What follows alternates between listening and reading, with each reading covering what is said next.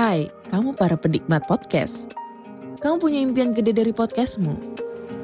Terus First Story bisa banget bantu kamu. Mulai dari F-Link, Dynamic Audio Insertion, sampai statistik yang komprehensif. Semua ada di First Story.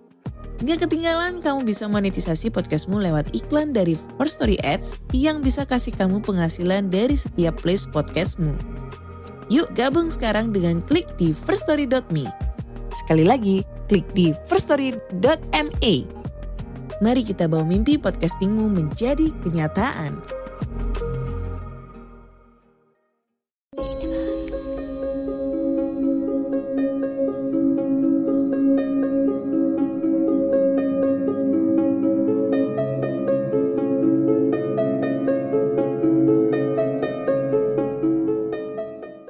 Selamat datang dan selamat malam Kembali lagi ketemu dengan Denny Narator dari podcast Rumah Horor Indonesia.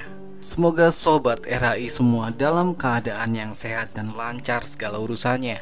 Pada malam hari ini kita mendapatkan sebuah cerita horor Yang dikirimkan oleh Mas Reza Ardiansyah Yang sebelumnya juga sudah pernah mengirimkan cerita pengalaman horor nyatanya Di podcast kita dengan judul Senyum Pocong. Oke langsung saja saya akan bacakan. Ini dia. Diikuti kuntilanak.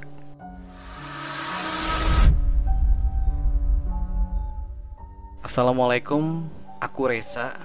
Aku ingin menceritakan kisah hororku yang nyata dan seram menurutku. Jadi ceritanya aku bersama dengan teman-teman yang namanya Ferry, Jody, dan Fikri. Jadi semua nama teman ini saya sudah samarkan ya.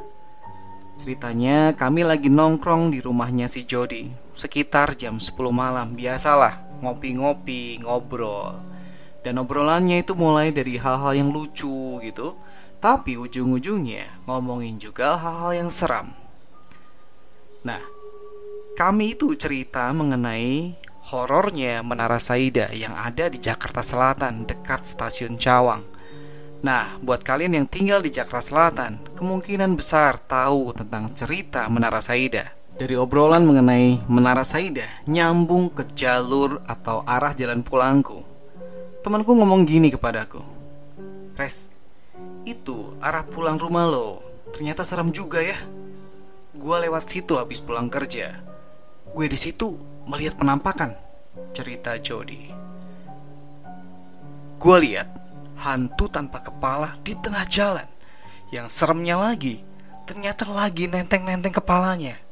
Lanjut si Jody. Temanku yang lain juga ikut nimpalin.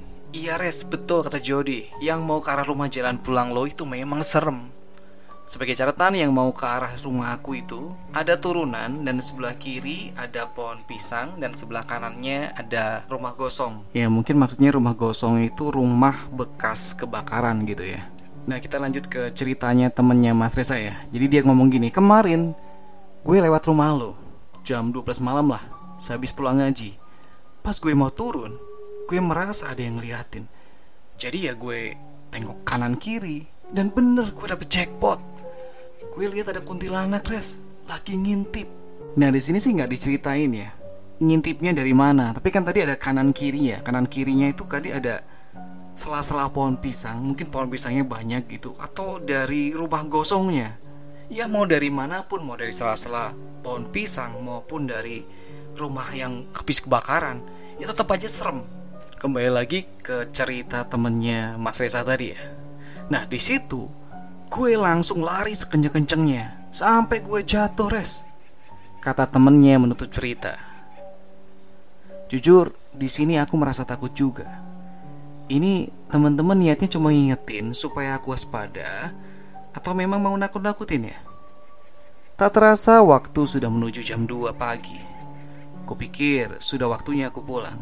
Aku pun pulang lewat jalan yang diceritakan tadi. Nah emang jalurnya cuma itu.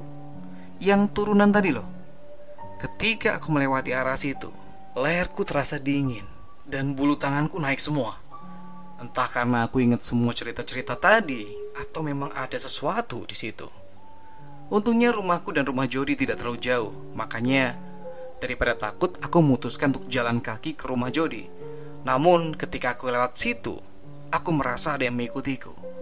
Dengan takut tapi penasaran, aku nengok belakang. tapi tidak ada siapa-siapa.